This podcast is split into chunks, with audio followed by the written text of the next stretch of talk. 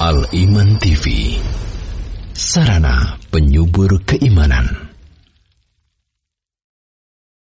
Innal hamdalillah nahmaduhu wa nasta'inuhu wa nastaghfiruh wa na'udzu billahi min shururi anfusina wa min sayyiati a'malina man yahdihillahu fala mudilla lahu ومن يضلل فلا هادي له وأشهد أن لا إله إلا الله وحده لا شريك له وأشهد أن محمدا عبده ورسوله. يا أيها الذين آمنوا اتقوا الله حق تقاته ولا تموتن إلا وأنتم مسلمون. يا أيها الناس اتقوا ربكم الذي خلقكم من نفس واحدة وخلق منها زوجها وبث منهما رجالا كثيرا ونساء. واتقوا الله الذي تساءلون به والأرحام إن الله كان عليكم رقيبا. يا أيها الذين آمنوا اتقوا الله وقولوا قولا سديدا. يصلح لكم أعمالكم ويغفر لكم ذنوبكم. ومن يطع الله ورسوله فقد فاز فوزا عظيما. أما بعد فإن أحسن الحديث كتاب الله. وخير الهدي هدي محمد صلى الله عليه وآله وسلم وشر الأمور محدثاتها وكل محدثة بدعة وكل بدعة ضلالة وكل ضلالة في النار. كوم مسلمين سيدنا صلى الجمعة رحمكم الله أوصيكم وإياي نفسي بتقوى الله فقد فاز المتقون. Pada kesempatan yang baik ini, pertama-tama kami wasiatkan terutama kepada diri kami, dan kepada setiap yang mendengarkan khutbah ini agar marilah kita senantiasa meningkatkan ketakwaan kita kepada Allah Azza wa Jalla dan melaksanakan perintah-perintahnya dan menjauhi larangan-larangannya. Kemudian marilah kita menjadi hamba-hamba Allah yang senantiasa mensyukuri nikmat-nikmat Allah yang dianugerahkan kepada kita. Karena nikmat Allah sangat besar dan sangat banyak dan Allah menjanjikan orang-orang yang bersyukur kepadanya maka dia akan menambah nikmat tersebut. La in syakartum la azidannakum wa la in kafartum inna adzabi lasyadid. Jika kalian bersyukur niscaya aku akan menambah nikmatku kepada kamu sekalian. Namun jika kalian kufur maka sungguhnya azabku adalah azab yang pedih. Kaum muslimin sidang salat Jumat rahimani wa rahimakumullah. Nikmat terbesar yang dianugerahkan Allah Subhanahu wa taala kepada kita adalah nikmat iman dan nikmat Islam. Dan Islam adalah as-sirat al-mustaqim. Islam adalah jalan yang lurus yang mana kita senantiasa memohon kepada Allah setiap hari 17 kali dalam rakaat-rakaat salat kita. Kita selalu mohon kepada Allah taala ihdinas siratal mustaqim. Tunjukilah kepada kami jalan yang lurus dialah Islam yang diturunkan Allah Subhanahu wa taala kepada nabi kita Muhammad sallallahu alaihi wa alihi wasallam. Islam adalah nikmat as-sirat al-mustaqim adalah jalan orang-orang yang dianugerahkan nikmat oleh Allah Subhanahu wa taala. Siratal ladzina an'amta alaihim yaitu jalannya orang-orang yang engkau anugerahkan nikmat pada mereka bukan jalannya ghairil maghdubi alaihim waladhdallin dan bukan jalannya orang-orang yang kemurkai atas mereka. Dan bukan pula jalannya orang-orang yang tersesat. Islam adalah apa yang difirmankan oleh Allah Azza wa Jalla? Di dalam surat Al-An'am ayat yang ke-153 wa anna hadza sirati mustaqiman fattabi'uh. Dan bahwasanya ini adalah jalanku jalanku yang lurus. Maka ikutilah dia. Wala tattabi'us subul dan janganlah kalian mengikuti jalan-jalan yang banyak. Fatafarraqu bikum an sabilih. Niscaya jalan-jalan yang banyak itu akan mencerai-beraikan kalian dari jalan Allah yang lurus. Yang lurus tersebut. Dzalikum wassakum bihi. La'allakum tattaqun.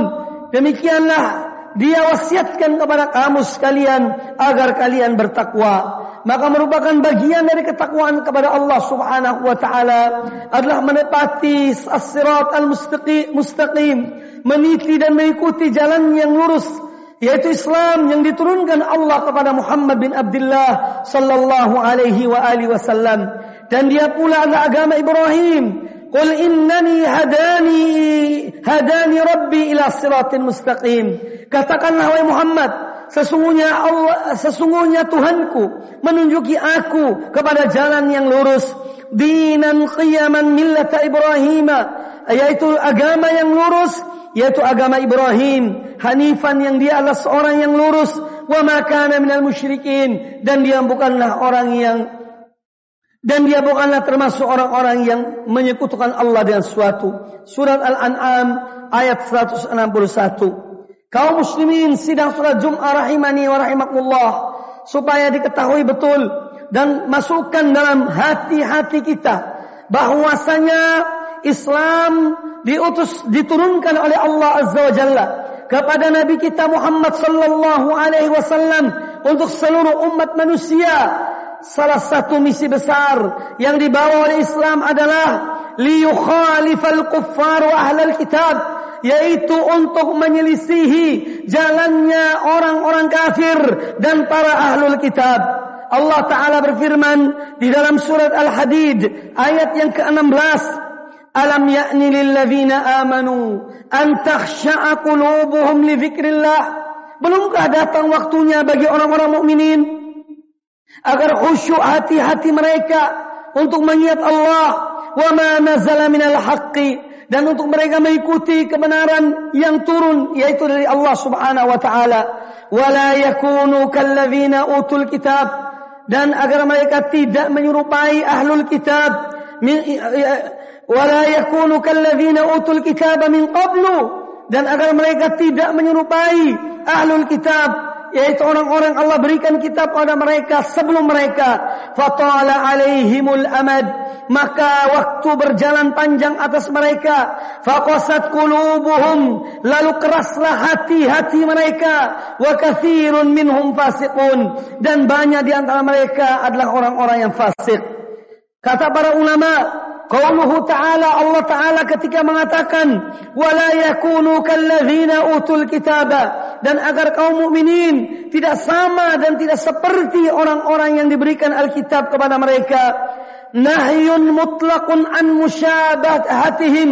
Ini adalah larangan yang mutlak dari Allah Subhanahu wa taala. Larangan menyerupai mereka ahlul kitab Kata Imam Ibn Kathir rahimahullah ta'ala. Walihada nahallahu al-mu'minina. Oleh karena itu Allah melarang orang-orang beriman. An yatashabbahu fi syai'in minal umuril asliyati wal far'iyah. Allah melarang kaum mukminin untuk menyerupai mereka dalam satu urusan dan perkara baik yang pokok maupun yang cabang maka Allah melarang kaum mukminin menyerupai orang-orang kufar, menyerupai Yahudi dan Nasara, baik dalam perkara-perkara yang pokok maupun dalam perkara-perkara yang cabang. Kata Nabi sallallahu alaihi wasallam dalam hadis Abdullah bin Umar radhiyallahu anhuma yang dikeluarkan oleh Imam Al-Bukhari, "Khaliful musyrikin." Hendaklah kalian menyelisihi orang-orang musyrikin. Waffirul liha wa'fus syawarib lebatkanlah jenggot-jenggot kalian dan tipiskanlah dan tipiskanlah kumis-kumis kalian. Hadis riwayat Imam Bukhari dan Imam Muslim. Dari Abu Hurairah radhiyallahu anhu, Nabi sallallahu alaihi wasallam bersabda, Innal majusa tu'fi syawaribaha. Sesungguhnya orang-orang majusi. Mereka panjangkan kumis-kumis mereka. Wa tukhfi lihaha. Dan mereka tipiskan jenggot-jenggot mereka. Fakhalifuhum. Maka hendaklah kalian menyelisihi mereka. Khudhu syawaribakum. Wa'afu lihakum ambillah atau potonglah kumis-kumis kalian dan biarkanlah jenggot-jenggot kalian. Hadis riwayat Imam Ibnu Hibban dan hadis ini adalah hadis yang sahih. Kaum muslimin sidang surat Jum'ah rahimani wa rahimakumullah. Demikian pula sabda Nabi sallallahu alaihi wasallam dari hadis Abu Hurairah radhiyallahu anhu kata beliau alaihi salatu wassalam innal yahuda wan nasara la yasbughun fakhalifuhum. Sesungguhnya orang-orang Yahudi dan orang-orang Nasara mereka tidak mereka tidak mewarnai yakni uban-uban mereka maka selisihilah mereka. Hadis riwayat Imam Bukhari dan Imam Muslim Kemudian kata Nabi sallallahu alaihi wasallam dalam hadis Abdullah bin Umar radhiyallahu anhuma yang dikeluarkan oleh Al Imam Abu Dawud, "Man tashabbaha biqaumin fahuwa minhum." Barang siapa yang menyerupai satu kaum, maka dia sama dengan maka dia dari golongan mereka. Maka kemudian pernah suatu ketika Abdullah bin Amr ibn al-As radhiyallahu anhuma.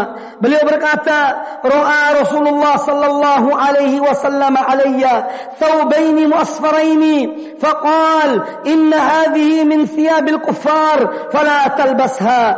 Rasulullah SAW pernah melihat Abdullah bin Umar Abdullah bin Amr bin As radhiyallahu anhuma memakai pakaian yang dicelup dengan celupan suatu celupan maka beliau mengatakan inna hadhihi min thiyabil kuffar. Sesungguhnya pakaian ini adalah pakaian orang-orang kafir. Fala talbasha. Maka jangan kamu memakainya. Hadis riwayat Imam Muslim. Kaum muslimin sidang surah Jum'ah rahimani wa rahimakumullah itu di antara ayat-ayat dan hadis-hadis Nabi sallallahu alaihi wasallam yang melarang kaum mukminin menyerupai orang-orang kafir sekarang kita melihat satu persatu dalam akidah Allah Subhanahu wa taala menurunkan Al-Qur'anul Karim untuk menyelisihi penyimpangan-penyimpangan Yahudi dan Nasara. Orang-orang Nasara mengatakan di dalam akidah bahwasanya Isa bin Maryam adalah anak Allah. Orang-orang Yahudi mengatakan bahwasanya Isa adalah anak zina.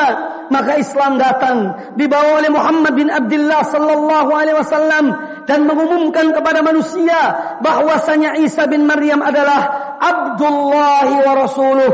Isa bin Maryam adalah hamba Allah dan Rasulnya. Wa kalimatuhu alqaha ila Maryam. Dan dia adalah kalimat Allah yang Allah sampaikan kepada Maryam. Wa ruhun minhu. Dan Isa bin Maryam adalah ruh ciptaan Allah. Kemudian Nabi sallallahu alaihi wasallam memberikan janji kepada kaum mukminin, kepada orang-orang yang berkeyakinan demikian dan janji surga Allah Subhanahu wa taala. Dari Ubadah bin Samit radhiyallahu anhu beliau mengatakan Rasulullah sallallahu alaihi wasallam bersabda, "Man syahida an la ilaha illallah wahdahu la syarika lah." Barang siapa yang bersaksi bahwasanya tiada sembahan yang hak kecuali kecuali Allah yang Maha Esa yang tiada sekutu baginya. Wa anna Muhammadan abduhu wa rasuluh. Dan bahwasanya Muhammad adalah hamba Allah dan rasulnya. Wa anna Isa abdullah wa rasuluh. Dan bahwasanya Isa bin Maryam adalah hamba Allah dan rasulnya. Wa kalimatuhu alqaha ila Maryam. Dan Isa bin Maryam adalah kalimat Allah yang diperintahkan kepada Maryam yaitu kalimat kun fayakun. Jadilah Isa maka jadilah Isa. Wa ruhun minhu.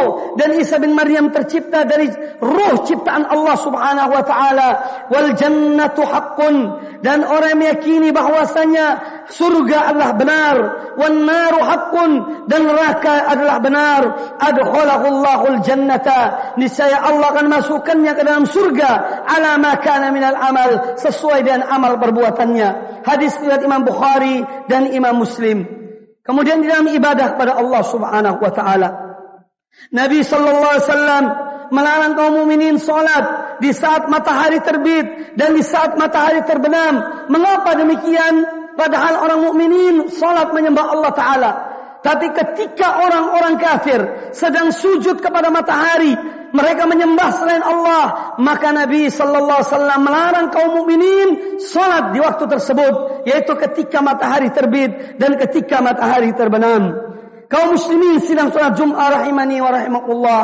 Demikian pula ketika Rasulullah sallallahu menghadap ketika Rasulullah sallallahu salat menghadap ke Baitul Maqdis, maka orang-orang Yahudi mengatakan yukhalifuna Muhammadun wa din yukhalifuna Muhammadun fi dinina. Muhammad menyelisihi agama kami wa yattabi'u qiblatana. Namun dia mengikuti kiblat kami. Faqala Jibril faqala li Jibril maka beliau sallallahu alaihi wasallam mengatakan kepada Jibril setelah mendengar omongan-omongan Yahudi itu Wajidtu law, law hawwalani Allah ila al-Ka'bati. Aku sangat menginginkan seandainya Allah mengalihkan, merubah kiblat kepada Ka'bah. Fa innaha kiblatu Abi Ibrahim alaihissalam. Karena Ka'bah adalah kiblat ayahku Ibrahim alaihissalam.